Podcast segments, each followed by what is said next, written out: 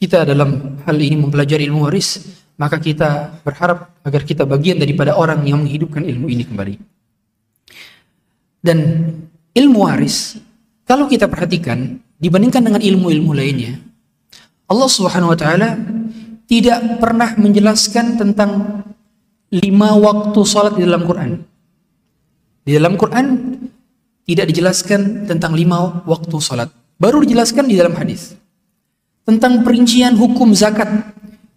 Dua setengah persennya berapa nisabnya itu dijelaskan di dalam hadis. Tentang fikih-fikih perincian dalam haji pun dijelaskan baru dalam hadis sedikit dalam Quran ayat-ayat.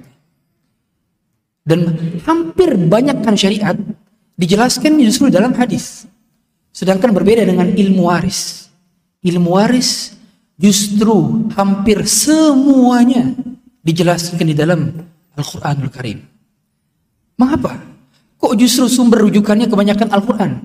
Padahal syariat-syariat lainnya lebih banyak dijelaskannya di hadis. Kata para ulama, saking penting dan saking banyak disepelekannya oleh orang, saking demikianlah Allah ingin menjelaskan, jangan sampai kalian lupa terhadap ilmu ini. Maka kami jelaskan di dalam Quran sebelum kami perintahkan Rasulullah untuk menyampaikan perincian-perinciannya. Maka perinciannya sangat sedikit sekali kalau dalam hadis itu. Kebanyakan di dalam Quran. Ini mengingatkan bahwa pada dasarnya memang kebanyakan manusia semena-mena terhadap harta. Padahal Islam adalah agama yang paling concern terhadap perkara harta. Bahkan Islam menyebut harta itu sebagai al-khair. Innahu lihubbil khairi la syadid. Sesungguhnya manusia itu mencintai al-khair. Al-khair di sini maknanya adalah harta. Kebaikan disebut al-khair adalah harta. In taraka khairanil wasiyah. Allah juga menyebutkan harta dengan al-khair di dalam ayat yang lainnya. Oleh karenanya pembahasan masalah warisan dan ilmu waris ini penting untuk dibahas. Dan Allah sampai-sampai sampai-sampai mengatakan dan memberikan ancaman ومن يعص الله ورسوله ويتعدى siapa yang bermaksiat kepada Allah dan berusaha untuk melampaui batas hududahu yudkhilhu ia akan dimasukkan ke dalam neraka khalidan fiha selama-lamanya yaitu orang-orang yang menganggap bahwa ilmu waris bukan bagian daripada Islam atau Allah tidak pernah membahas tentang ilmu waris oleh karenanya Rasulullah SAW secara sengaja memang menyuruh beberapa para sahabat yang cerdas seperti Zaid bin Thabit, Ka'ab bin Ujrah dan seperti sahabat-sahabat yang cerdas lain yang muda-muda Al-Abadilah Al-Arba'ah Abdullah bin Zubair Abdullah bin Amr bin As Abdullah bin Umar Abdullah bin Abbas. Ini yang sahabat-sahabat cerdas. Mereka diperintahkan oleh Rasulullah SAW ta'allamul faraidah belajarlah ilmu faraid. Fa nisful ilmi. Belajar ilmu perkara ini adalah setengah daripada ilmu wa innahu awwalu ma yuqbalu min ummati. Dan ini adalah ilmu pertama kali yang diangkat dari umatku. Oleh karenanya jangan sampai kita tidak mempelajari ilmu ini dikarenakan ilmu ini adalah sumber perpecahan di dalam keluarga nomor satu. Karena ketika seseorang meninggal dunia pada akhirnya dia meninggalkan harta. Mau tidak mau. Kecuali para nabi dan rasul semua harta Nabi dan Rasul yang ditinggalkan ma taraknahu ba'da nafaqati ahli wa ba'da nafaqati amili fahuwa sadaqah. Apa yang tertinggal selepas daripada nafkah istri dan nafkah pembantu beliau maka sisanya adalah disedekahkan. Adapun kita yang kita yang kita tinggalkan akan menjadi harta warisan. Oleh karenanya perhatikan dengan baik apa saja kewajiban-kewajiban kita orang yang hidup dan orang yang meninggal. Di antara penegakan syariat yang pertama, sebelum jauh-jauh kita berbicara masalah penegakan syariat melalui negara, penegakan khilafah itu terlalu jauh. Terlalu jauh. Dan pada akhirnya bukan itu tujuannya. Tujuannya yang utama adalah bagaimana menegakkan syariat di tengah-tengah keluarga kita dahulu. Jangan sampai berbicara tentang yang besar-besar sebelum yang kecil-kecil. Dan penerapan ilmu waris di tengah-tengah keluarga adalah bentuk penerapan syariat dari lingkup terkecil dalam sebuah negara yaitu keluarga. Karena kita faham sebuah peradaban dibangun di atas negara-negara, negara dibangun di atas provinsi, provinsi dibangun di atas kota dan kabupaten, kabupaten kota dibangun di atas kecamatan, kelurahan, RW dan RT, RT dibangun di atas keluarga dan keluarga lah pondasi sebuah peradaban. Oleh karenanya mempelajari ilmu waris sama dengan menegakkan syariat dalam ruang lingkup terkecil kehidupan kita yaitu keluarga. Yang menjadi problem ilmu waris terkhusus di Indonesia atau penerapan ilmu waris terkhusus di negara kita ini memiliki tantangan dikarenakan pada dasarnya pembagiannya itu disesuaikan kepada keluarga masing-masing. Tidak ada pengadilan dari tingkat tertinggi maupun tingkat terkecil yang menghukum tentang hukum waris secara hukum positif. Berbeda dengan pernikahan. Kalau pernikahan kita diurusin ada pengadilan agamanya, ada catatan pernikahannya. Bahkan ketika perceraian juga ada catatannya, ada pengadilannya. Adapun ilmu waris penerapannya itu dipersilahkan kepada keluarga masing-masing untuk menentukan bagian warisnya masing-masing. Sehingga bagi orang yang tidak terlalu peduli dengan ilmu waris, juga orang-orang yang tidak mengetahui tentang ilmu waris, mereka asal bagi ya udahlah, yang penting nggak ada yang marah bagi rata aja ini berarti menandakan dia tidak sedang menggunakan hukum Allah dalam penerapan ilmu ini. Dan kita tahu, kalau kita tidak menggunakan hukum Allah, berarti kita berdosa. Karena Allah sudah panjang lebar menjelaskan bagian laki-laki segini, bagian perempuan segini, bagian anak, bagian ayah, bagian bapak, bagian suami, bagian istri. Dijelaskan secara detail di dalam Al-Qur'anul Karim. Maka bagi orang-orang yang asal ya udahlah, yang penting bagi rata saja berarti dia tidak sedang menggunakan hukum Allah. Afa hukmal jahiliyati yabghun? Apakah hukum jahiliyah yang mereka inginkan? Kalau hukum jahiliyah itu wanita tidak dapat sama sekali. Wanita tidak dapat sama sekali. Dan apa yang ditinggalkan dari warisan semua diberikan kepada kakek atau paman. Bahkan anak sendiri nggak dapat. Anak yatim tidak dapat. Bahkan tidak dapat. Tapi Islam datang, Islam memberikan persentase yang begitu adil sehingga wanita mendapatkan setengah dibandingkan laki-laki. Lidzakari mithlu hadzil unsayain. Wanita dapat setengahnya dari laki-laki. Ini berarti menandakan bahwa Islam datang dengan keadilan. Dan anak yatim dapat. Jangankan anak yatim, anak yang berada di perut ibunya saja itu juga dapat warisan. Dapat warisan. Sepakat para ulama, anak yang berada di kandungan perut ibunya dan bapaknya meninggal. Jadi ketika seorang ibu hamil, bapaknya atau suaminya meninggal, maka anak di janinnya tersebut itu dapatkan warisan. Berarti warisannya jangan dulu dibagikan sampai si bayi lahir. Karena untuk menentukan berapa statusnya dia di anak perempuan, di anak laki-laki harus segera ditunggu sehingga baru pas keluar ditentukan berapa jatah bagiannya. Sangat detail Islam menjelaskan. Oleh karenanya, karena tidak ada pengadilan agama yang mengikat di negara kita, jadi dibebaskan sehingga keluarga masing-masing menginginkan konsep masing-masing dalam menentukan pembagian warisannya. Ada yang satu menggunakan oh kita menggunakan hukum daerah ini saja. Kalau daerah ini laki-laki nggak dapat, dapatnya perempuan.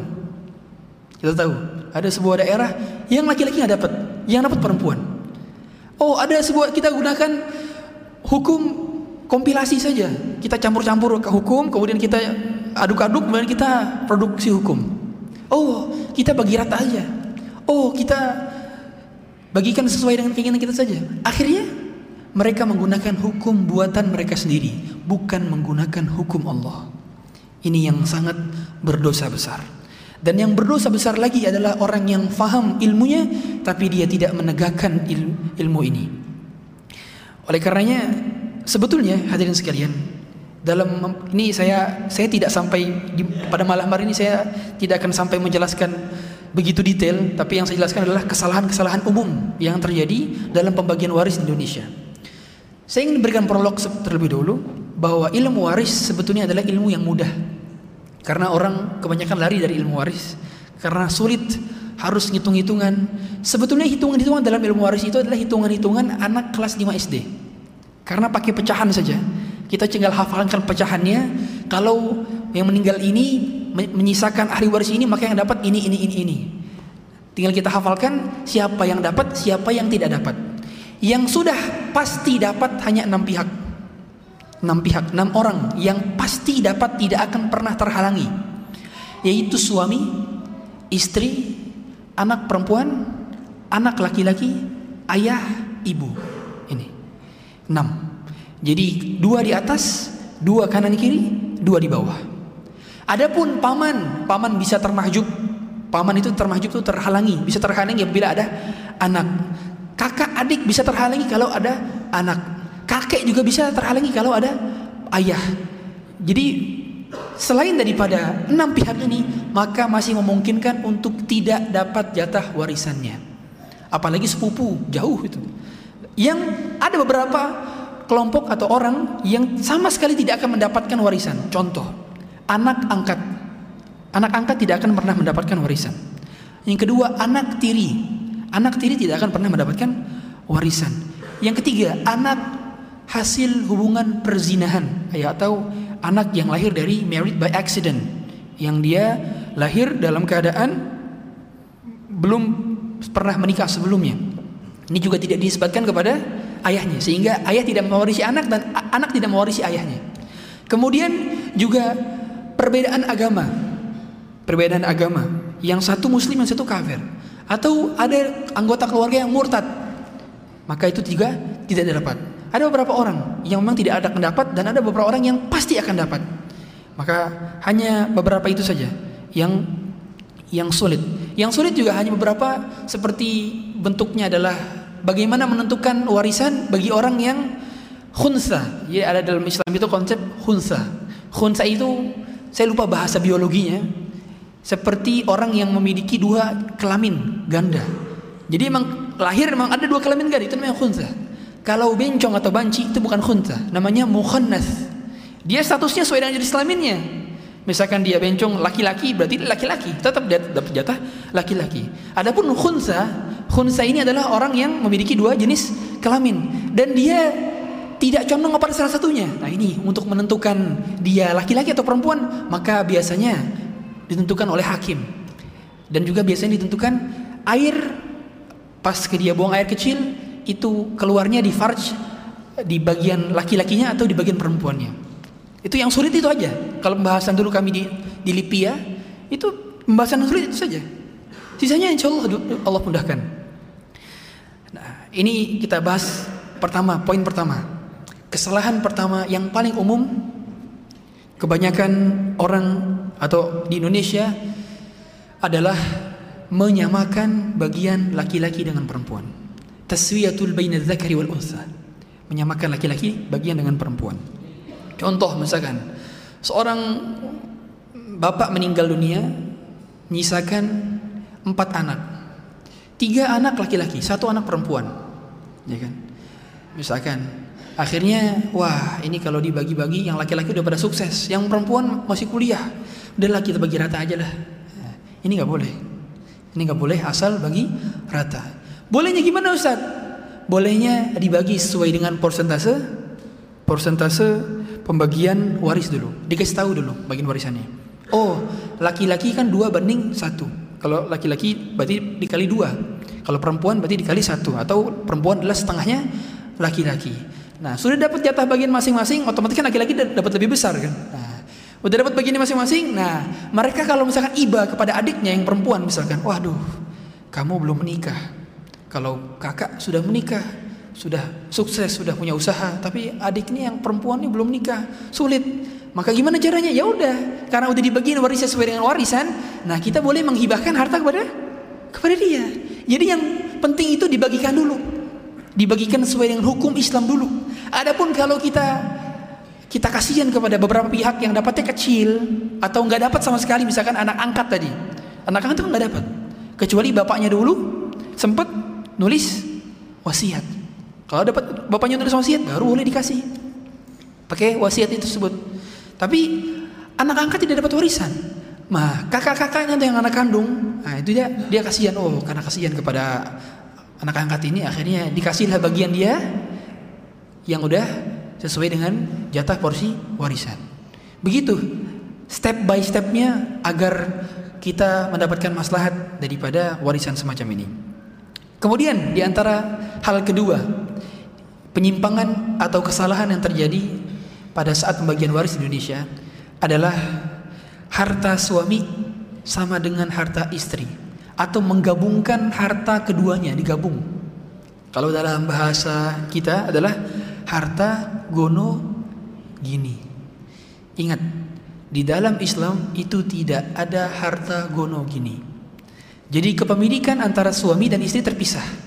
Harta suami, harta suami, harta istri, harta istri. Betul, di bagian harta suami ada hak istri sesuai dengan jatah nafkah. Tapi tetap terpisahkan. Sehingga, nah, sehingga ketika si suami meninggal, ya, kemudian si istri masih hidup dan punya anak meninggalkan anak, ini sebetulnya tidak ada hak bagi istri untuk menguasai semua peninggalan harta suami. Karena di sebagian tempat ketika si suami meninggal maka semua harta warisan dikuasai istri. Pokoknya tidak boleh ada yang bagi-bagi warisan sebelum aku meninggal dunia. Ada yang seperti itu. Banyak justru seperti ini yang kebanyakan. Atau ngapain ini aja belum kelar 40 hari tuh mayitnya masih berbentuk daging di kuburan. Udah bagi-bagiin warisan aja, langkahin mayat ibu dulu sebelum bagi-bagikan. Ada yang seperti itu. Maka ini keliru. Yang betul adalah pembagian warisan itu bukan asetnya langsung oh kita jual semua bagi-bagi warisan. Bukan seperti itu. Bagi-bagi warisan adalah kalau uang berbentuk uang liquid maka dibagi sesuai dengan persentase bagian masing-masing. Oh, kalau suami meninggal meninggalkan istri dan anak, berarti istri dapat berapa? Seper delapan. Anak-anak dapat sisanya 7 per 8 kan gitu. Nah kalau uangnya let's say uangnya dia meninggalkan suami itu meninggalkan 100 juta.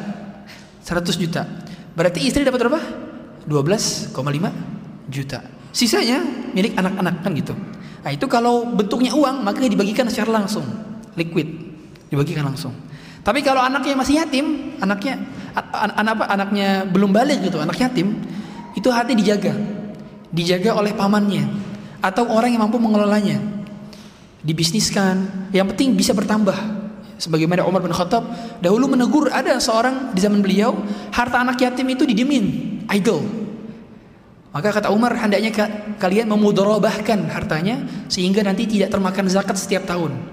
Jadi nanti bisa bisa bertambah justru bukan bukan berkurang tiap tahunnya. Maka kalau harta anak yatim itu dijaga bukan didimin apalagi dikuasain oleh si ibu. Jangan sampai justru malah hartanya dikuasai oleh si ibu dipakai untuk nikah lagi. Banyak kejadian demikian.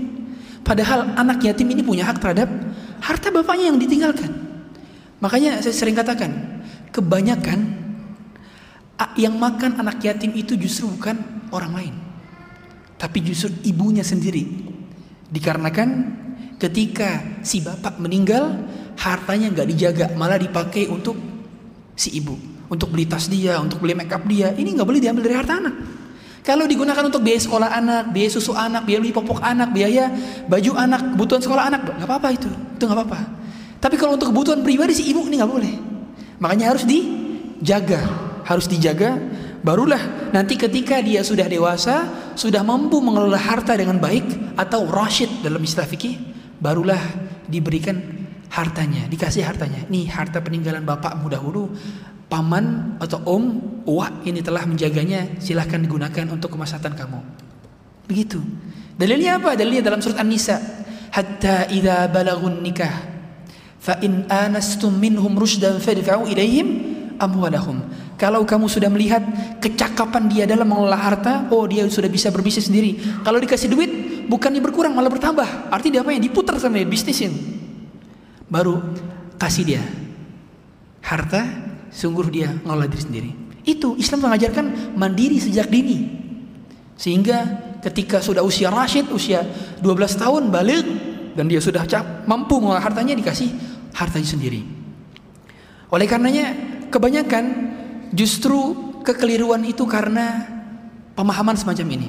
Sehingga nantinya apa-apa yang dibeli bersama apa-apa yang dibeli oleh suami ketika menikah dengan si istri ini oh berarti itu milik istri juga padahal tidak kalau dibelinya dari uang suami berarti punya suami Kalau dibelinya pakai uang istri maka jadi milik istri. Kecuali nah, kecuali si suami dahulu ketika masih hidup sempat memberikan hadiah kepada istri. Nih, sayang, aku punya dua mobil. Yang satu itu buat kamu aja. Nah, dikasih kuncinya, diubah sertifikat BPKB-nya. Baru itu jadi milik istri sah. Sehingga nanti kalau suaminya meninggal, maka yang menjadi harta waris dua-duanya apa satunya doang? Satu, karena yang satu sudah dihibahkan atau dihadiahkan. Yang jadi problem, jadi problem di Indonesia ada beberapa, oh bukan ada, ada banyak suami-suami yang pakai nama istri ketika pembelian mobil, motor, rumah kedua pakai nama istri. Tapi sebenarnya tidak ngasih ke istri. Cuman biar nggak kena pajak progresif. Ada seperti itu. Sengaja namanya nama istri, udah namanya nama kamu saja ya. Nanti biar nggak kena pajak progresif. Padahal nggak niat ngasih. Nah, ini jadi problem juga. Oleh karenanya ketika ngasih harus jelas.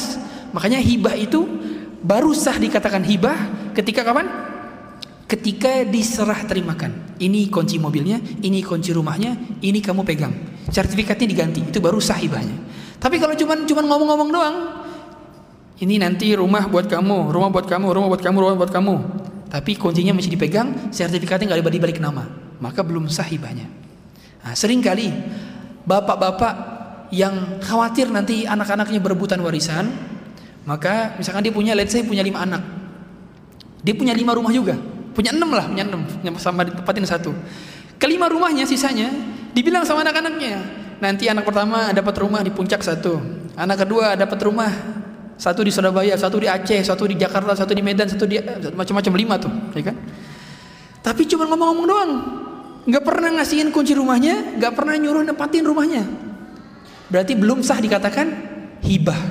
Karena kaedahnya menurut fikih adalah la tatimul hibatu illa bil qabdi. Tidak sempurna sebuah akad hibah kecuali dengan serah terima. Nah, inilah yang menjadikan kalau misalkan belum diserahkan kuncinya, belum diserahkan sertifikatnya, belum dipersilahkan untuk menempati, berarti rumah itu belum terjadi hibah dan belum berpindah ke pemilikannya. Sehingga konsekuensinya apa?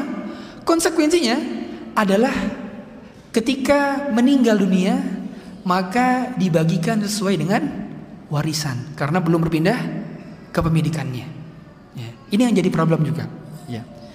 Kemudian yang menjadi problem juga poin ketiga adalah tidak dibagikan warisan sampai si pasangan meninggal dunia. Tadi, ya. Si bapak meninggal dunia, meninggalkan istri dan anak-anak. Warisannya nggak dibagi-bagi bertahun-tahun. Kata si ibu, saya nggak mau warisan dibagi sebelum saya meninggal dunia. Uang saya masih ada, enak aja dibagi-bagiin warisan. Nah, ini keliru, keliru. Berarti dia telah menzalimi orang lain. Karena ketika warisan tidak dibagikan, otomatis akan ada pihak yang memakan harta orang lain secara batil dan orang pihak lain yang terzalimi kan mungkin tidak mau seperti itu. Ya kan? Contoh, contoh. Tadi si ibu misalkan dia nggak mau harta warisan dibagikan, dia mau nggak mau pasti akan makan jatah milik orang lain, ya kan? Dan akan ada pihak lain yang terzalimi karena dimakan hartanya.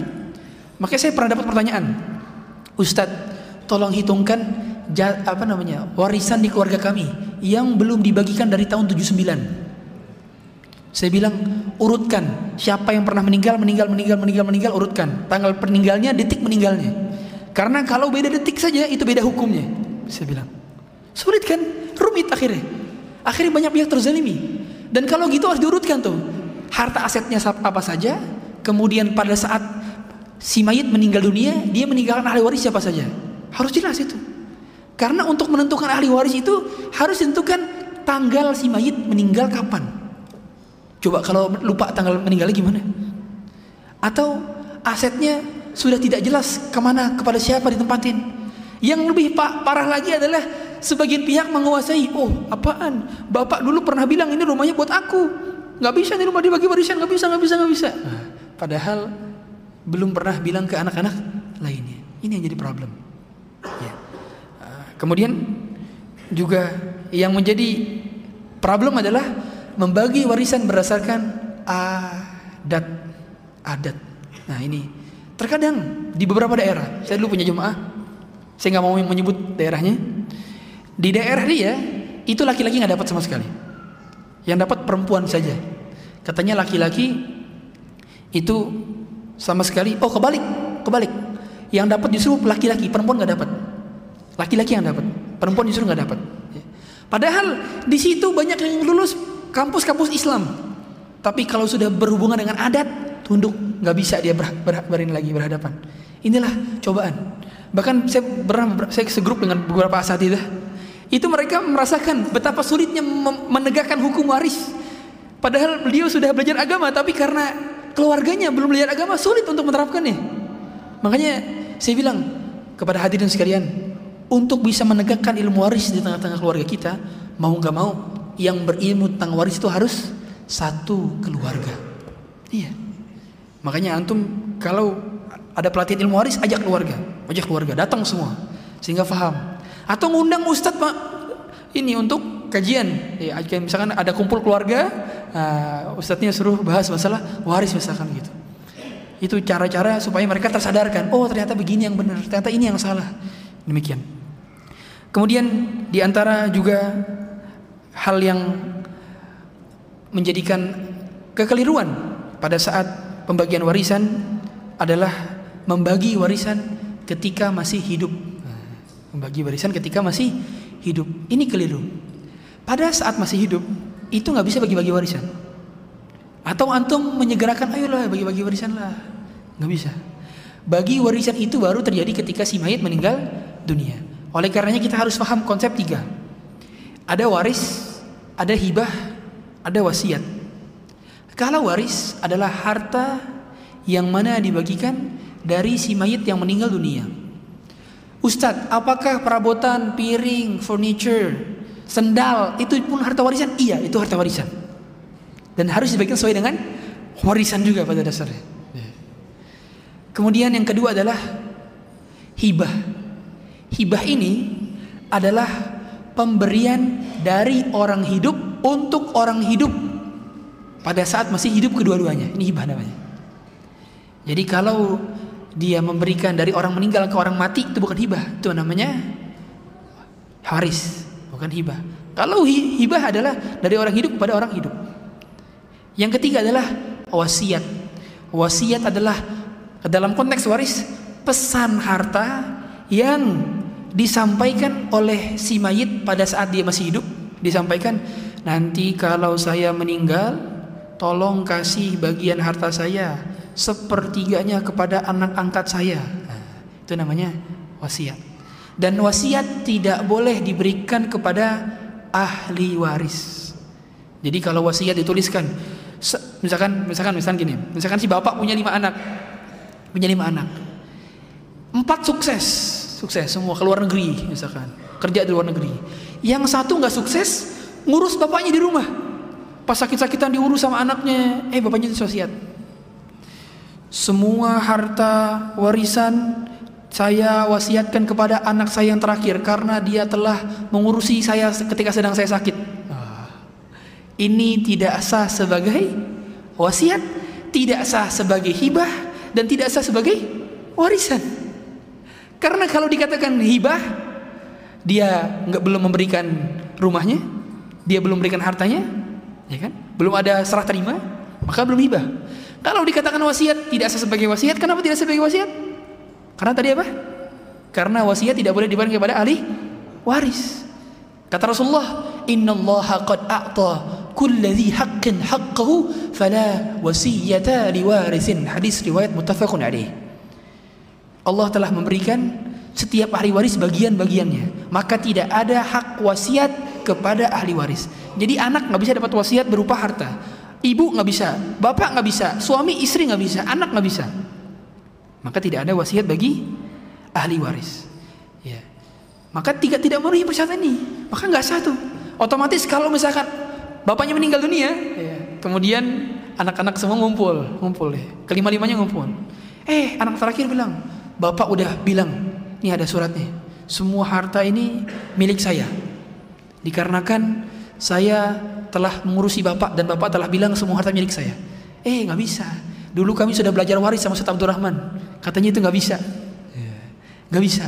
Ternyata itu tidak sebagai wasiat, tidak sebagai waris, dan tidak sebagai hibah.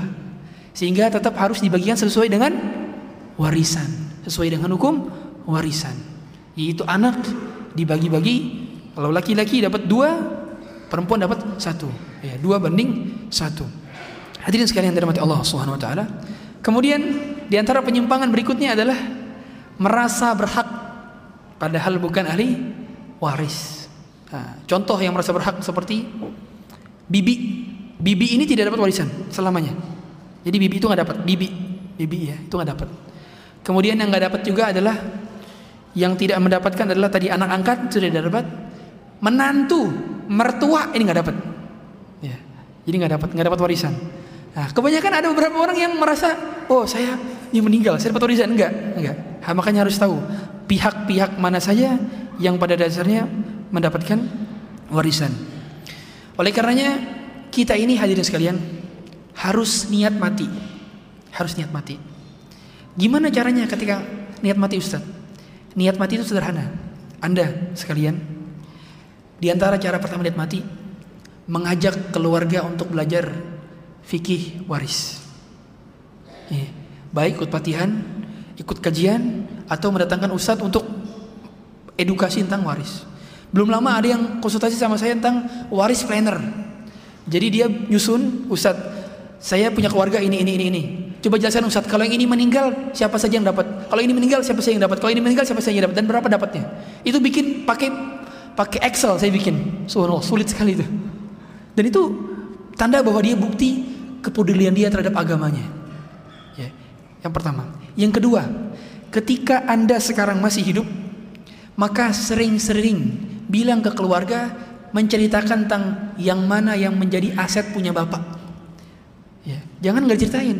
Ingat mana bapak ini punya aset di sini, punya aset di sini, punya aset di sini, di sini. Semua sertifikatnya sama notaris. Jelaskan. Kemudian sering-sering dijelaskan. Nanti kalau bapak meninggal, nanti adikmu dapat segini, kamu dapat segini, ibumu dapat segini, nanti kakek dapat segini. Jelasin, jelasin. Ini tanda kalau kita niat meninggal. Dijelaskan juga punya istri kedua atau enggak. Iya. Karena sering sekali ini bukan di film-film. Ya. Di kejadian nyata. Ketika meninggal dunia, dilihat tuh ada siapa ibu-ibu nangis bawa anak. Tanya, ibu ibu siapa? Saya istri keduanya, ini anaknya. Pingsan langsung seketika. Karena nggak dikasih tahu. Makanya kalau menikah poligami, iya betul syarat syaratnya nggak ada izin ke istri pertama, tapi di antara bentuk keadilan dan supaya tidak memudaratkan adalah ngasih kabar. Jangan diem-dieman. Ujung-ujungnya apa? Ujung-ujungnya ada bagian pihak orang-orang yang nggak akan dapat warisan. Gara-gara, oh, enggak, bapak dulu nggak ngasih tahu kalau bapak nikah lagi, maka nggak nggak dapat nggak dapat warisan di rumah udah milik kita. Padahal dia punya jatah di situ. Ya, seberapapun dapat istri, kalau punya empat istri maka seperlapan dibagi empat, gitu. Kalau dia punya anak, kalau nggak punya anak seperempat dapat. Begitu pada dasarnya. Tapi ter ternyata nggak dikasih tahu. Waduh, kasihan itu. Kasihan jadi istri kedua, ketiga, keempatnya kalau nggak dikasih tahu dia statusnya. Makanya kalau mau nikah lagi harus terang-terangan, jangan ngumpet-ngumpet.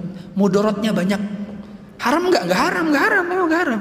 Tapi mudorotnya banyak. Dan nanti bagi bagaimana coba nanti kalau bagi, bagi jatah malam itu kan harus diketahuin. Kemudian kalau misalkan mau pergi ke safar kan harus diundi itu. Itu ada fikihnya. Makanya nggak sembarangan. Nggak sembarangan dalam hal ini ya.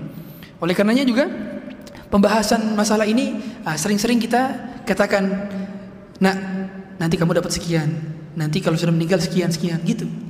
Nah di antara simple dalam pemahaman waris adalah sederhana. Saya jelaskan. Jadi cara bagian waris itu sederhana. Batas ketika ada seorang meninggal meninggal dunia, kan dia ditakziahin kan, takziah kan, nah, takziah. Batas takziah itu tiga hari. Kalau orang menghibur, takziah itu artinya menghibur, menghibur, menghibur siapa? Keluarga si mayat. Jadi kalau kita takziah itu justru kita bawa uang, bawa makanan, bukan si mayit, keluarga mayit yang menyerahkan makanan. Makanya nggak ada dalam istilah kita menyediakan makanan bagi si keluarga mayit menyediakan makanan untuk orang-orang yang datang. Kebalik, gitu ya. Nah, takziah ini batasnya tiga hari. Kan biasanya kalau untuk tiga hari itu kan keluarga-keluarga masih ada kan, keluarga besar masih ada kan. Nah, misal di hari ketiga atau di hari keempat kumpul keluarga besar. Dijelaskan tuh sama si ibu atau si paman. Ini bapak kalian, bapak bin ini bin ini rahimahullah taala meninggalkan harta warisan senilai sekian juta rupiah dan meninggalkan aset rumah di sini di sini di sini di sini di sini. Karena ahli warisnya ada masih ada anak, masih ada istri, masih ada bapak, maka bapak dapat seperenam, istri dapat seperlapan, anak dapat asobah sisanya. Sisakan tuh. Maka adik-adik kakak-kakak lain yang nggak merasa dapat maka tidak mendapatkan. Nah, karena rumahnya masih ada di sini-sini, maka kita statuskan rumah ini kepemilikannya berarti ada pemilikan istri seperlapan, kepemilikan bapak seperenam, kepemilikan anak sisa-sisanya. Oke, semua dapat. Tulis namanya masing-masing, tulis, ya kan? Asetnya apa? Notaris, tanda tangan masing-masing, kasih ke notaris, selesai. Itu bagi waris tuh gitu. Jadi bagi waris itu nggak langsung dijual. Nanti kasihan ibu tinggal di mana? Kan gitu. Jadi bagi waris sebetulnya itu adalah penentuan bagian masing-masing pihak. Biasanya lanjut dulu atau langsung sholat? Sholat dulu. Baik, sholat dulu. Kita azan dulu.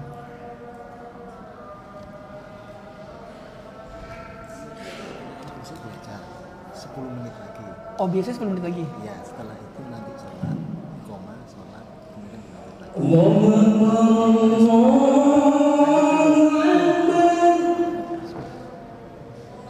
Baik.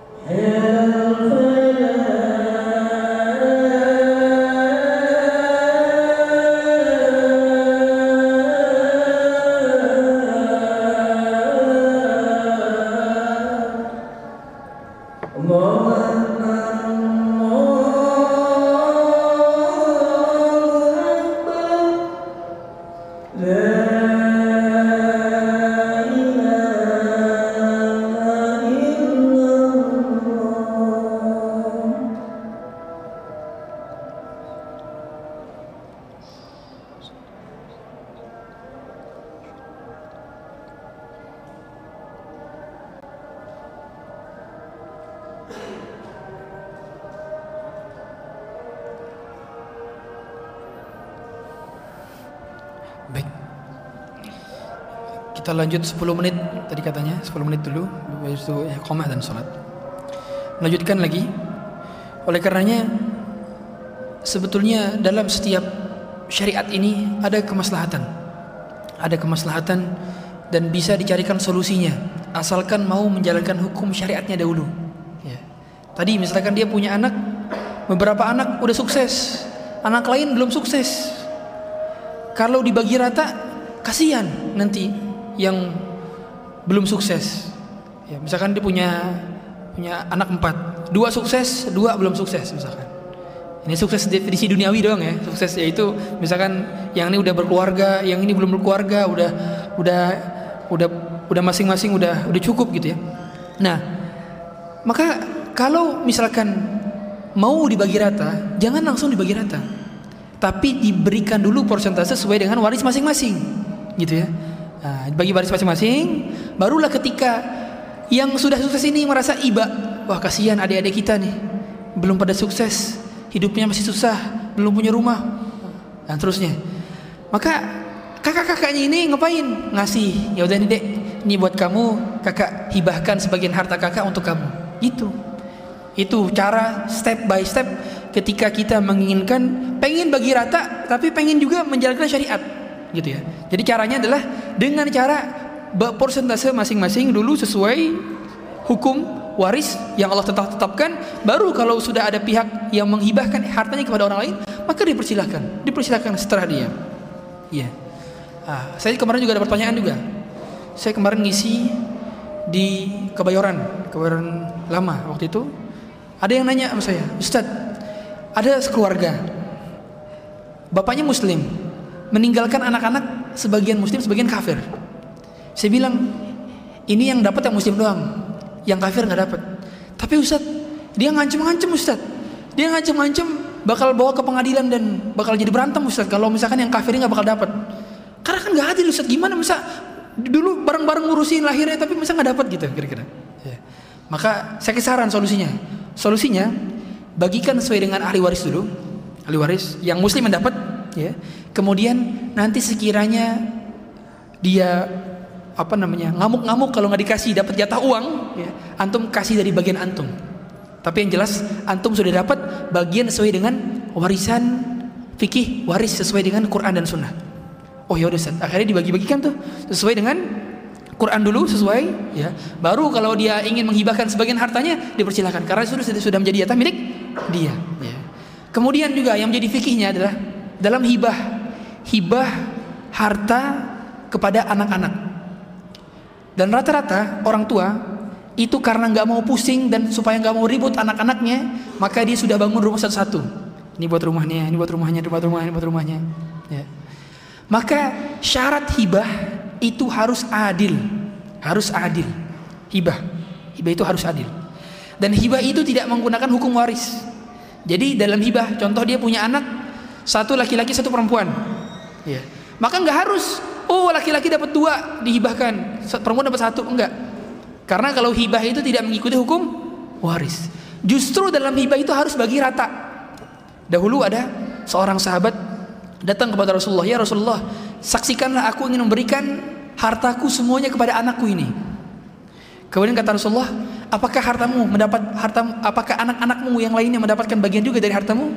Kata dia, tidak ya Rasulullah. Apakah mungkin engkau menjadikanku sebagai saksi dari sebuah kemaksiatan? Kata Rasulullah. Maka Rasulullah memberikan pesan, kalau kita punya anak maka wajib adil. Dan para salafus soleh kanu ya'diluna baina auladihim hatta fil qublah. Para salafus soleh itu mereka berusaha adil kepada anak-anak mereka sampai dalam perkara ciuman. Bayangkan.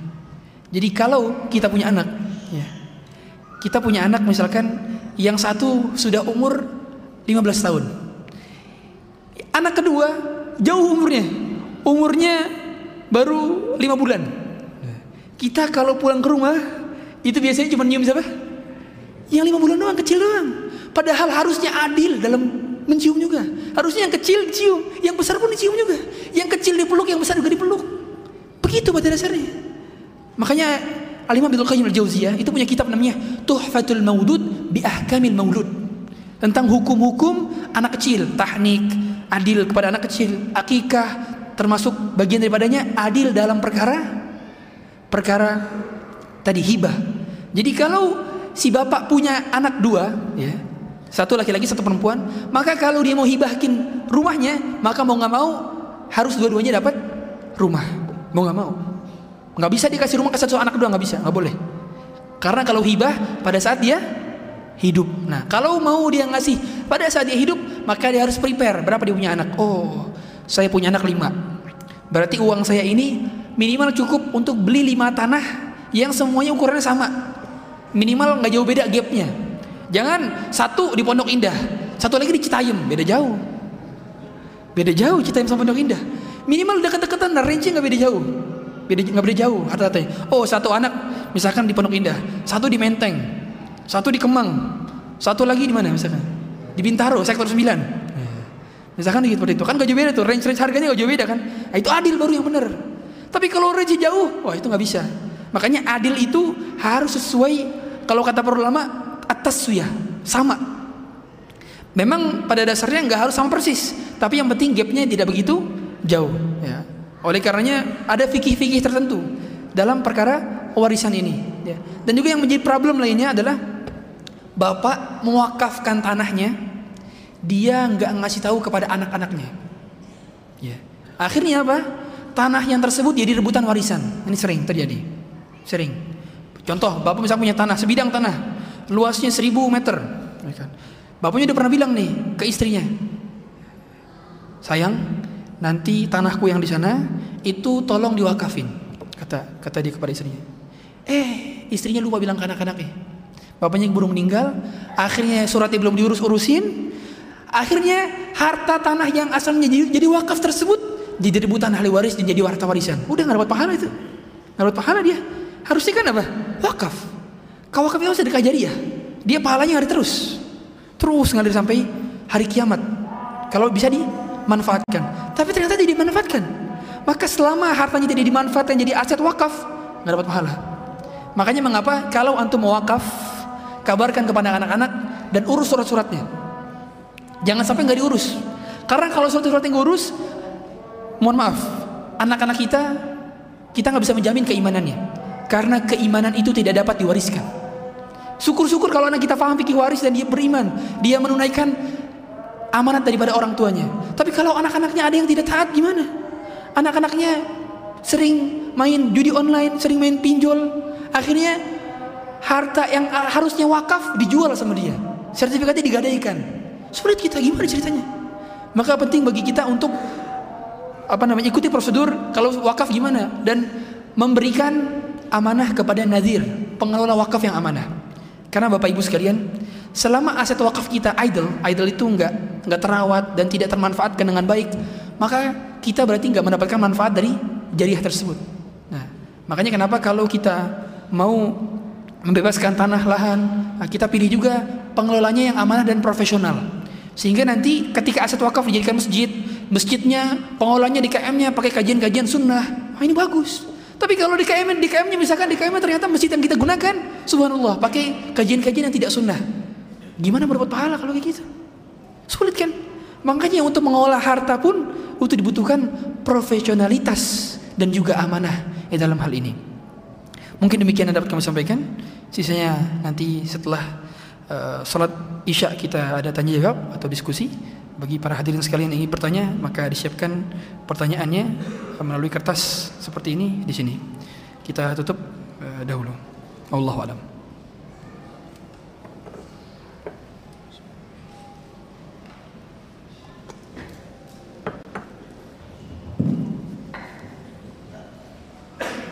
Oh,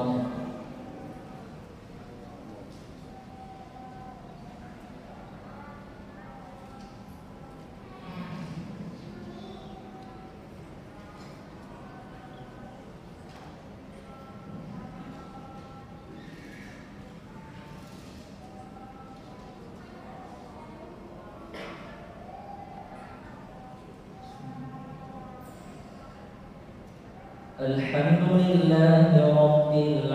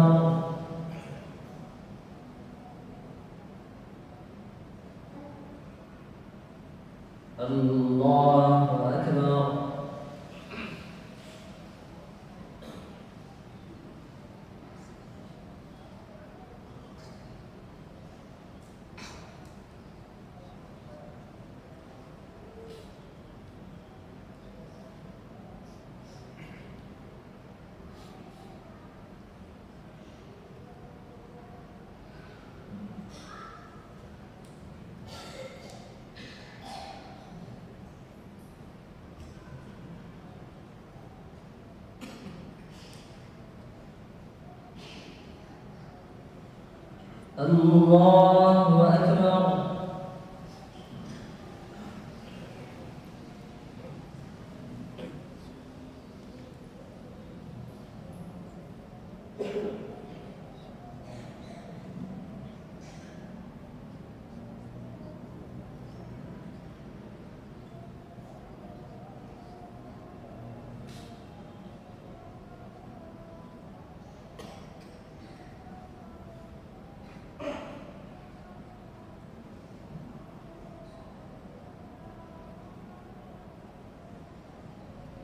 الله أكبر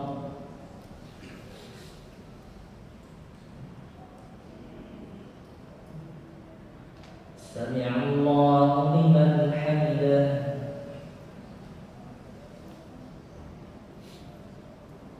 الله أكبر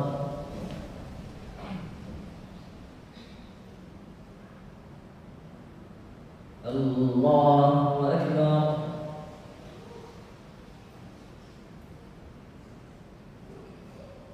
الله أكبر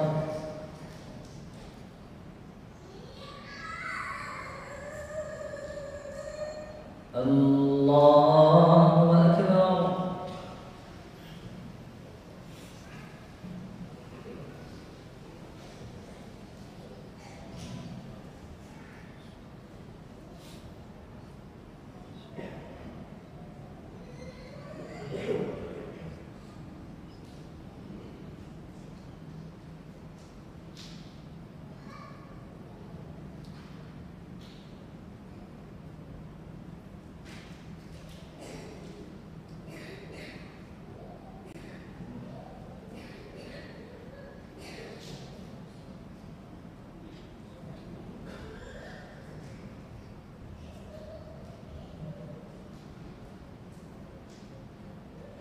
الله أكبر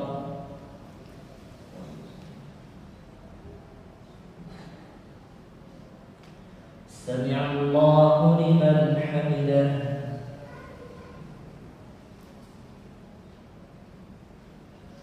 الله أكبر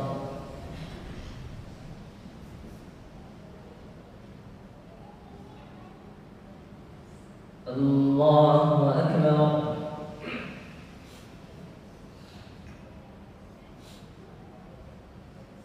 الله أكبر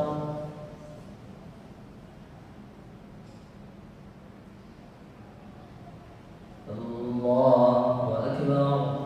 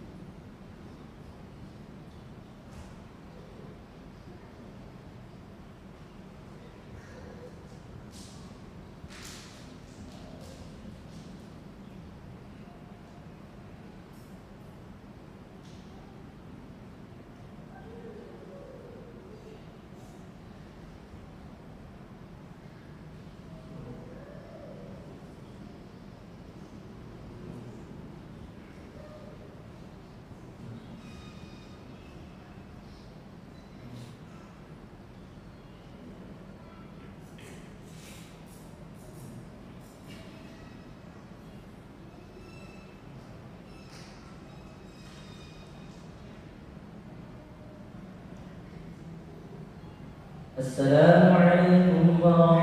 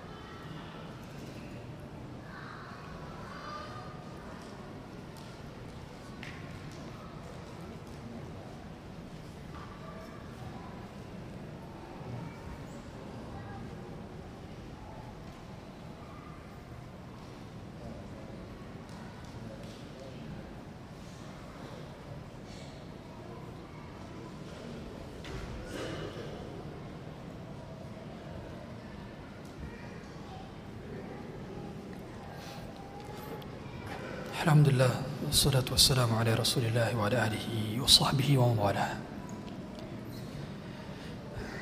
Melanjutkan dalam Bahasan fikih waris. Jadi Yang menjadi poin Bagi para keluarga sekalian di sini Adalah Bahwa Bagi-bagi waris Itu tidak mesti Langsung dijual Semua peninggalan si mayit. Tidak harus bisa tetap dipertahankan biasa saja. Misalkan si mayit meninggalkan rumah, rumah. Maka untuk bagi-bagi waris tidak harus langsung segera jual rumahnya, bagi-bagi waris, nggak harus. Bagi waris itu adalah ditentukan mengetahui setiap ahli waris berapa dia dapat persentasenya. Kemudian ditulis di akta di atas notaris bahwa si fulan si fulan si fulan memiliki hak atas rumah ini persentasenya sekian sekian sekian. Tanda tangan. Selesai. Itu waris seperti itu? Adapun yang dibagikan secara langsung adalah barang-barang yang sifatnya uang. Itu bisa dibagikan secara langsung. Tapi kalau benda-benda contoh misalkan punya dia punya satu sapi meninggalkan punya, punya satu sapi itu sapinya nggak nggak nggak langsung dipotong terus dibagi-bagi dagingnya. Nih kamu dapat kepala, kamu dapat kaki, kamu nggak buntut nggak kayak gitu. Nggak harus. Baru misalkan, nah ketika memang ada beberapa pihak yang menginginkan uang liquid di rumah tersebut, ya atau di aset tersebut, maka dia bisa menjual bagian persentasenya kepada pihak lainnya. Contoh, misalkan dia meninggalkan rumah, kemudian ahli warisnya adalah anak-anaknya. Punya anak lima. Yang satu nggak butuh uang, maka nggak perlu dia menjual asetnya. Yang satu ini butuh uang liquid, sedangkan dia masih punya hak warisan di sini, di rumah ini misalkan ya, misalkan seperlimanya ada dua, berarti 20 persennya. Dia punya 20 persennya berarti kan. Nah dia bisa menjualkan 20 persen bagian rumahnya kepada ahli waris yang lain.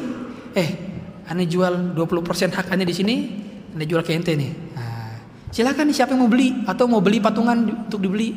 Nanti berarti kepemilikan dia sudah hilang di rumah tersebut. Begitu bagi waris pada akhirnya.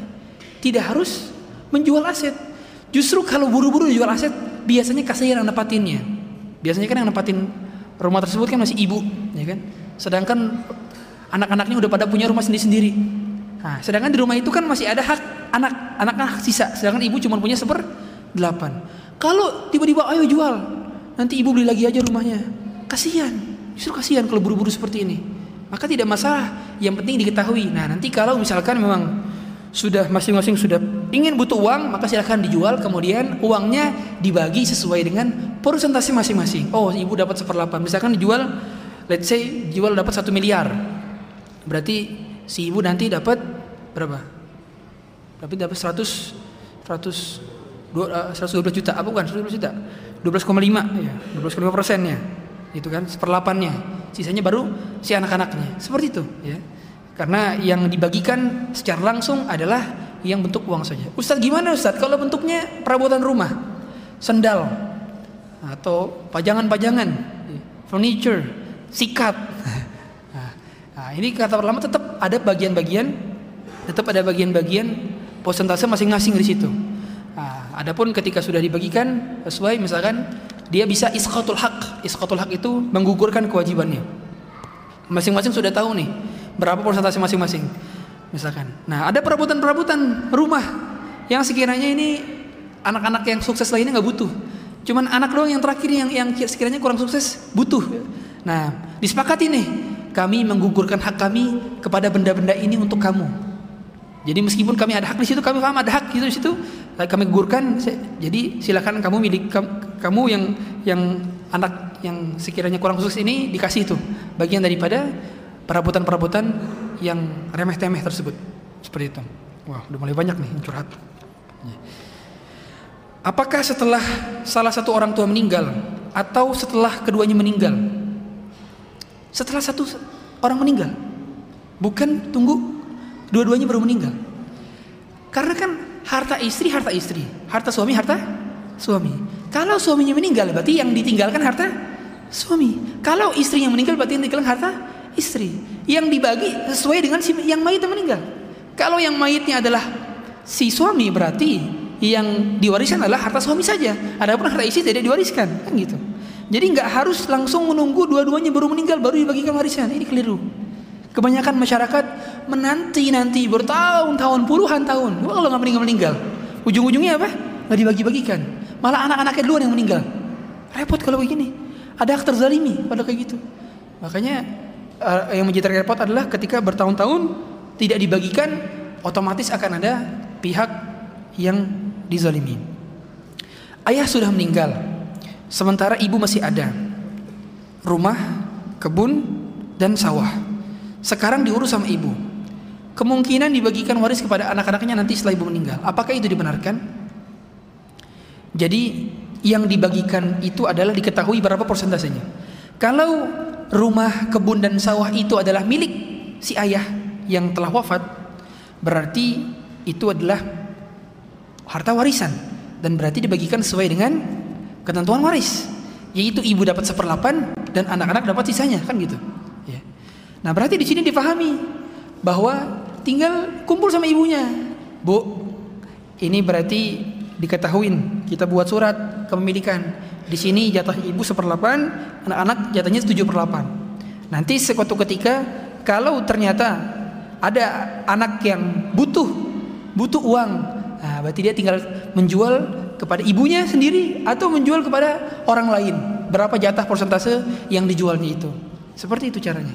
Jadi bagi-bagi waris itu nggak nggak harus langsung dijual. Ustadz, tolong minta nasihatnya.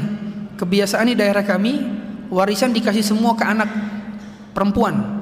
Begitu juga kasih sayang dan perhatian lebih banyak ke anak perempuan. Jazakallah khairan. Ingat Bapak Ibu sekalian. Tradisi ini difilter dengan syariat. Bukan syariat difilter oleh tradisi.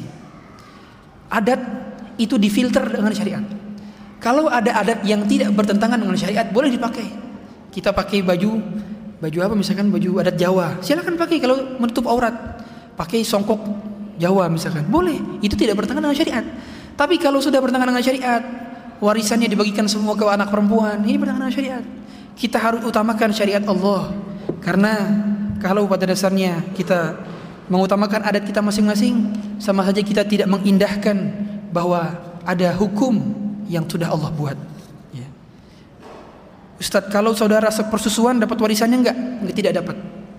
Saudara sepersusuan itu hanya ada konsekuensi mahramiyah. Mahramiyah itu menjadi mahram yang ketika sentuhan tidak batal. Mahram. Kemudian juga ketika uh, berkhalwat misalkan itu tidak tidak apa tidak ada konsekuensi dia bukan mahram ya. Jadi mahram jadi seperti itu tidak mendapatkan warisan. Dia konsekuensinya hanya tadi pada pada unsur ketika berkhulwat dia tidak tidak diharamkan karena dia bukan ini ya, bukan bukan non mahram. Istri meninggal. Nah, saya harus ngitung nih. Nah. Sebentar, saya ngitung dulu. Istri meninggal, meninggalkan suami, meninggalkan suami, Berarti istri meninggal meninggalkan suami satu. Adik apa nih? Adik perempuan ya. Meninggalkan adik perempuannya. Meninggalkan adik perempuan seibu sebapak. Ya, berarti kan dia termasuk adik perempuan dan kakak laki-laki. Berarti saudara laki-laki seibu sebapak. Berapa udah bagian masing-masing? Maka suami dapat setengah Suami dapat setengah karena tidak punya anak. Kalau punya anak maka dapat seperempat. Adapun adik laki-laki dan kakak kakak laki-laki dan adik perempuan ini kan saudara, saudara dia kan. Dia dapat asobah berarti. Asobah itu sisanya. Berarti dapat setengah. Ya. Kemudian uh, penentuannya adalah lidzakari mithlu hadil unthain. Bagi laki-laki dapat dua, bagi perempuan dapat satu. Ya. Jadi bagian begini ini harta waris setengahnya untuk suami setengahnya lagi untuk si kakak beradik kalau tadi kakak adik kan laki-laki dan perempuan ya kan nah bagiannya adalah dua banding satu berarti si kakak laki-laki yang tadi laki-laki itu dapat berapa dua per tiga ya, adik perempuan dapat berapa satu per tiga. Seperti itu cara ngitungnya. Anak meninggal duluan. Apa nih? Saya kurang kurang kebaca tulisannya. Mohon maaf. Saya baca yang kebaca aja dulu ya. Nah, ini bagus tulisan ini. Keluarga suami saya ada membagi warisan yang orang tuanya yang sudah meninggal berupa rumah di kampung. Cara membaginya insya Allah sudah sesuai. Laki-laki dua bagian, perempuan satu bagian. Rumah tersebut ditawarkan ke adik suami. Yang lain setuju. Mereka enam bersaudara, tiga laki-laki, tiga perempuan. Namun cara pembayaran tidak ditentukan. Akhirnya sampai sekarang ada yang sudah lunas, ada yang baru separuh terima. Ada juga yang belum terima. Bagaimana hukumnya bagian seperti itu Ustaz? Intinya jual beli. Jual beli itu kan boleh dilakukan secara tunai, boleh dilakukan secara nyicil, boleh. Nah, jadi kalau sudah dibeli bagiannya maka sudah jatuh kepemilikannya, sudah berpindah kepemilikannya. Meskipun uangnya belum lunas, tetap berpindah kan pemilikan, ya. Jadi kalau misalkan belum bayar ya tinggal ditagih, kan gitu. Ustadz Afwan, kalau harta waris bolehkah dihibahkan kepada anak yang mengurus orang tuanya si ibu? Itu alasan dari si ibu mohon penjelasannya. Nah, ini Bapak-bapak Ibu sekalian, kalau seandainya Bapak-bapak Ibu-ibu punya anak banyak, ternyata yang ngurusin sakit cuma satu orang, ya kan? Yang lainnya pada pergi, pada sibuk ngurusin masing-masing. Dia pengen ngasih ini ke anak-anak ini. Nah, ingat bahwa kalau warisan itu tidak boleh menggunakan hukum sendiri. Jadi nggak bisa, wah nanti saya semua harta saya ke anak ini aja dia ngurusin, yang lain gak ngurusin. Nggak bisa, nggak bisa. Terus gimana Ustaz? Saya pengen ngasih sama dia. Sedangkan ada kaidah tadi apa? Kalau mau ngasih pada saat hidup harus adil, harus hibah kan gitu kan. Nah, maka dia nggak bisa ngasih siapa? ngasih ke dia doang hibah tuh. Rumahnya semua dikasih ke ini, hartanya kasih ini semua, anak-anak lainnya nggak dikasih, nggak boleh. Meskipun anak-anak lainnya tidak ngurusin saat, pada saat sakit, tetap dia kalau dibagikan secara hibah, tetap harus sesuai dengan keadilan. Ya, itu sama bagi rata. Ya. Nah, tinggal gimana caranya kalau kita pengen dia nih supaya dapat banyak, gimana caranya? Tinggal antum kasih tahu kepada anak-anak lainnya. Kepada kakak-kakaknya misalkan, nih adiknya misalkan yang ngurusin bapaknya. Nah, karena adik kamu nih telah ngurusin bapak, nanti kalau sudah dibagikan warisan, nanti tolonglah kasih dia upah atas telah ngurus bapak selama ini. Ya gitu, boleh kayak gitu. Nah nanti, nah kakak-kakaknya ya, yang soleh solehah, ya, nanti ketika udah dibagi ke warisan, nah nanti dia ngasihlah kepada adiknya ini, gitu. Makanya pada dasarnya harus dikasih tahu juga untuk kasih sayang kepada adik, kepada kakak harus dibangun itu. Karena kenapa hadirin sekalian? Kebanyakan, kebanyakan percekcokan antara kakak dan adik di rumah itu seringnya diajarkan oleh orang tuanya sendiri. Gara-gara orang tuanya dari kecil kebiasaan tidak adil. Makanya ingat hati-hati. Kalau ada anak dikasih satu, semuanya harus dapat. Termasuk masalah tadi apa? Ciuman dan pelukan. Jangan sampai mentang-mentang yang satu udah besar, yang satu masih kecil, yang dipeluk yang kecil doang, yang dicium yang kecil doang. Yang besar pun harus tetap mendapatkan itu. Kita nggak pengen ada keributan dalam rumah-rumah kita. Ya makanya harus diajarkan masalah keadilan dan diajarkan juga masalah kasih sayang. Ya. Wah panjang nih, curhat nasional nih jadinya. Yang pendek-pendek dulu aja. Masya Allah ya. Ustadz, ibu Ana meninggal dunia sebelum kakek. Ibu meninggal dunia sebelum kakek. Oke. Bapak dari ibu Ana. Waktu pembagian warisan dari harta kakek Ana sebagai cucu perempuan mendapatkan diberikan warisan juga. Setelah Ana tahu bahwa cucu perempuan tidak mendapatkan hak warisan, bagaimana dengan warisan yang dapat? Apakah harus dibalikan lagi kepada ahli waris? Iya. Harus dibagi, dibalikan lagi kepada ahli waris. Cucu perempuan itu tidak dapat warisan. Cucu perempuan. Cucu perempuan tidak dapat warisan kecuali dia sebatang kara nggak ada yang warisnya lagi. Ya. Dia jadi zawil arham, zawil arham itu baru bisa. Apalagi cucu perempuan dari anak perempuan itu nggak dapat. Ya. Ya, oleh karenanya yang dapat itu adalah cucu laki-laki dari anak laki-laki. Kalau cucu laki-laki dari anak perempuan itu nggak dapat. Nah, ini penentuan semacam ini harus belajar. Mau nggak mau, siapa aja yang dapat, siapa yang nggak dapat harus tahu itu. Ya. Uh, masih panjang perjalanan ini kita belajar kita ya berarti ya. Berarti tidak sampai sini saja hijrah itu. Harus belajar lagi, belajar lagi, belajar lagi. Apabila selama hidup yang mencari uang adalah istri, lalu istri masih hidup, tidak ingin bila nanti hartanya meninggal harus dibagikan ke suami. Apakah boleh? Bila si istri ingin membagikan harta ke anak saja, bagaimana caranya? Mengapa tidak ingin memberikan hartanya kepada suami? Sebegitu dendamnya kah kepada suami? Ini suaminya harus minta maaf ini. Hati-hati. Barangkali suaminya ngambil baju berantakan di lemarinya sehingga istrinya mau kasih warisan ini. Ya. Tetap hadirin, suami Anda punya hak. Ketika Anda meninggal, berarti suami punya hak untuk mendapatkan warisan dari Anda. Kalau Anda punya harta tentunya. Ya. Khadijah, mengapa Khadijah kaya? Khadijah mengapa Khadijah kaya? Khadijah kaya itu karena beliau adalah ahli waris satu-satunya. Ketika Abu Halah, Abu Halah suami kan beliau menikah dua kali dan dua-duanya meninggal. Dan tuh suami terakhir itu kaya raya. Suami terakhir Khadijah itu kaya raya dan tidak memiliki ahli waris kecuali satu orang yaitu Khadijah. Nggak punya anak nggak punya bukan Abu Halah satu lagi. Kalau Abu Halah punya anak Hindun kalau Abu Halah. Nah, satu lagi itu dia nggak punya nggak punya nggak punya furu nggak punya furu nggak punya usul yaitu nggak punya atas nggak punya ayah ibu nggak punya anak juga. Cuman punya Khadijah doang. Maka Khadijah jadi pewaris tunggal. Ya. waris tunggal Khadijah itu.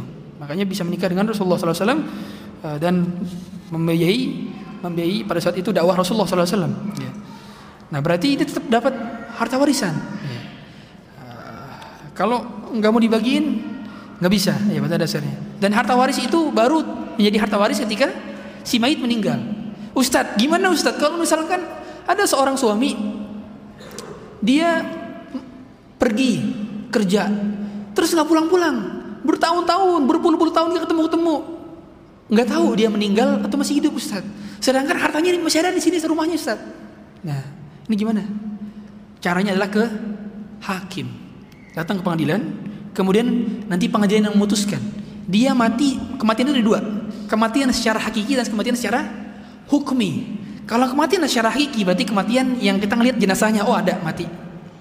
Dan diketahui kuburannya dan seterusnya. Itu mati secara hakiki. Kalau kematian secara hukmi adalah kematian yang mana dia nggak tahu mati apa enggak, tapi yang jelas nggak pernah ketemu lagi sama orangnya dan tidak dia pernah ketahui kabarnya, keberadaannya, seterusnya. Itu berarti nanti yang memutuskan kematian adalah hakim. Dengan demikian berarti statusnya juga bisa dibagikan menjadi ahli warisnya. Ustadz, saat ini kedua orang tua kami sudah meninggal. Ada satu buah rumah peninggalan orang tua. Kami yang saat ini ditempati orang tua kami, yang saat ini ditempati oleh kakak laki-laki kami. Kami sepakat untuk menjual rumah tersebut. Namun kakak yang menempati rumah tersebut memasang harga cukup tinggi sehingga hal yang sulit untuk laku. Selanjutnya dan kami ingin rumah tersebut di kafling. Memang ukurannya sesuai dua banding satu laki-laki dan perempuan. Namun perempuan di kafling di belakang dan laki-laki posisi di kafling depan. Pertanyaannya bagaimana sebaiknya dalam pembagian tanah tersebut? Pembagian tanah tersebut pada dasarnya harus sesuai dengan syariat tetap ya. dan kalau ada konflik silahkan ke hakim. Tapi ingat banyak perkara yang terkadang itu tidak perlu ribut-ribut. Makanya ada dalam fikih itu ada namanya as-sulh sulh. Kalau istilah dalam bahasa Indonesia namanya perdamaian perdamaian. Dan kata para ulama as-sulhu sayyidul ahkam. Sulh itu puncak daripada apa? Puncak daripada sebuah hukum. Tadi Ustadz saya masa bagian kafling ini di bagian belakang padahal itu nggak ketemu jalan Ustadz. Nah gimana? Berarti di bagiannya bisa setengah-setengah biar dua-duanya dapat jalan. Kan gitu bisa tuh. Bisa pakai win-win solution kan gitu. Nah pada dasarnya kalau seandainya tidak bisa e, diselesaikan dengan cara musyawarah maka ke pengadilan. Mau tidak mau berarti. Wah ini panjang. Ya. Harus ngitung nih kayaknya nih ya. Sebentar. Baik. Saya mau bertanya kami 14 orang, subhanallah. 14 orang. Saudara, dari lima ibu. Lima ibu? Kok bisa lima ibu? Gimana ceritanya? Oh mungkin kawin cerai kawin cerai mungkin ya. Atau ada yang meninggal terus nikah lagi, mungkin. Empat laki-laki, sepuluh perempuan. Ayah saya punya istri lebih dari satu. Setelah ayah saya meninggal, anak dari istri saya, anak dari istri ayah saya yang terakhir tak mau membagi warisan sesuai syariat. walaupun sudah dijelaskan tentang pembagiannya yang benar. Misalkan semua berhak 100 juta, tapi hanya dikasih 20 juta masing-masing. Di antara kami, di antara kami adik kakak ada yang mau menerima. Ada yang mau menerima. Oke. Pertanyaannya, apa hukumnya bagi saudara saya yang mau menerima tersebut? Dan ada adik perempuan yang menempati rumah warisan yang belum dibagi. Pertanyaan kedua, apakah saya harus terus menasehati adik saya tersebut yang tidak membagi sesuai padahal dulu pernah dinasihati oleh ustadz dan disuruh bagi? Bolehkah berharap melihat dia diazab di dunia? Waduh berat nih. Biasanya nulis ibu-ibu nih. Iya.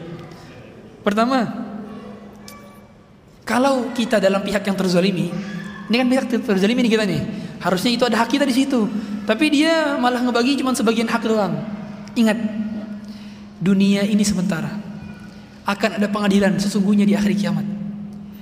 Tidak ada seberapanya, secuilnya pun nggak ada dunia. Makanya kata Rasulullah, "Lau kanatid dunya ta'dilu indallahi janaha ba'udah, ma saqa kafiran walau syarbata ma'in." Seandainya dunia setara dengan setelah sahab nyamuk, maka mungkin Allah akan memberikan Allah tidak akan memberikan satu teguk minuman kepada orang kafir. Ternyata orang kafir bukan minum, bisa minum seteguk, bisa minum banyak. Berarti dunia tidak lebih berharga daripada setengah sayap nyamuk. Oleh karenanya kalau kita di dunia dizolimi, tenang saja hadirin. Kita masih punya pengadilan di akhirat. Kalau hak Anda di dunia dizolimi, Anda punya hak bagian di akhirat. Dan nanti di akhirat tidak ada bagian daripada duit, nggak ada duit lagi di sana. Walakinnal hasanat wasayyiat. Tapi balasannya adalah pahala dan dosa. Pahala dia buat Anda, dosa Anda buat dia. Berbahagialah orang-orang yang terzalimi. Dan Anda ketika sudah menasehati, dia tetap tidak mau mentaatinya, berarti Anda sudah berlepas diri darinya. Tapi kalau Anda mau masih memaksakan tersebut, itu adalah hak Anda dan Anda berhak untuk mendapatkan hak Anda. Tapi seandainya tetap tidak bisa, Anda terzalimi, harta itu dikuasai oleh dia, tenang. Allah Maha Adil. Pengadilan Allah Maha Adil. Tidak terkurang satu timbangan pun, tidak dilebihkan satu timbangan pun, kecuali dengan keadilan dan kemahamurahan Allah Subhanahu wa taala. Kalau orang terzalimi di dunia, maka dia akan mendapatkan keadilannya nanti di akhirat. Pengadilan di dunia yang menang belum tentu benar, yang kalah belum tentu salah. Aslinya kita baru ketahuan nanti di hari kiamat siapa yang benar, siapa yang salah. Ketika di dunia terzalimi, hakikatnya dia sedang menzalimi dia sendiri kalau orang yang menzalimi tersebut. Kemudian um, bolehkah berharap melihat dia diadab di dunia? Jawaban saya sebaiknya tidak perlu. Tidak perlu. Ya, tidak perlu. Banyak di antara orang-orang terzalimi, dia punya doa yang mustajab untuk mendoakan orang yang dia orang yang menzalimi dia, tapi dia tahan-tahan, tahan-tahan. Karena hadirin, satu ketika kita terzalimi, bisa saja di kemudian hari kita menzalimi. Dan kita nggak mau ketika kita mendapatkan doa dari orang yang kita zalimi. Maka saran saya doakan hidayah, bukan doakan azab. Karena semua kita punya kesalahan. Hari ini dia salah, besok bisa jadi Anda yang buat salah. Ya mau tidak mau. Karena selama roh masih berada di kandung jasad, kita masih memiliki potensi untuk berbuat dosa dan syaitan masih bisa mengganggu kita. La'ughwiyannahum siratakal mustaqim illa ibadaka minhumul mukhlasin. Terus syaitan akan mengganggu kita sampai hari kiamat baru syaitan berhenti mengganggu kita. Oleh karenanya nasihati dan doakan agar dia menerima hidayah. Demikian mungkin yang dapat kami sampaikan. Kurang lebihnya mohon maaf. Kalau ada yang ingin ditanyakan boleh save nomor kami 0822 triple 1 87 085. Subhanakallah bihamdik asyhadu an la ilaha illa anta astaghfiruka wa. Assalamualaikum warahmatullahi wabarakatuh.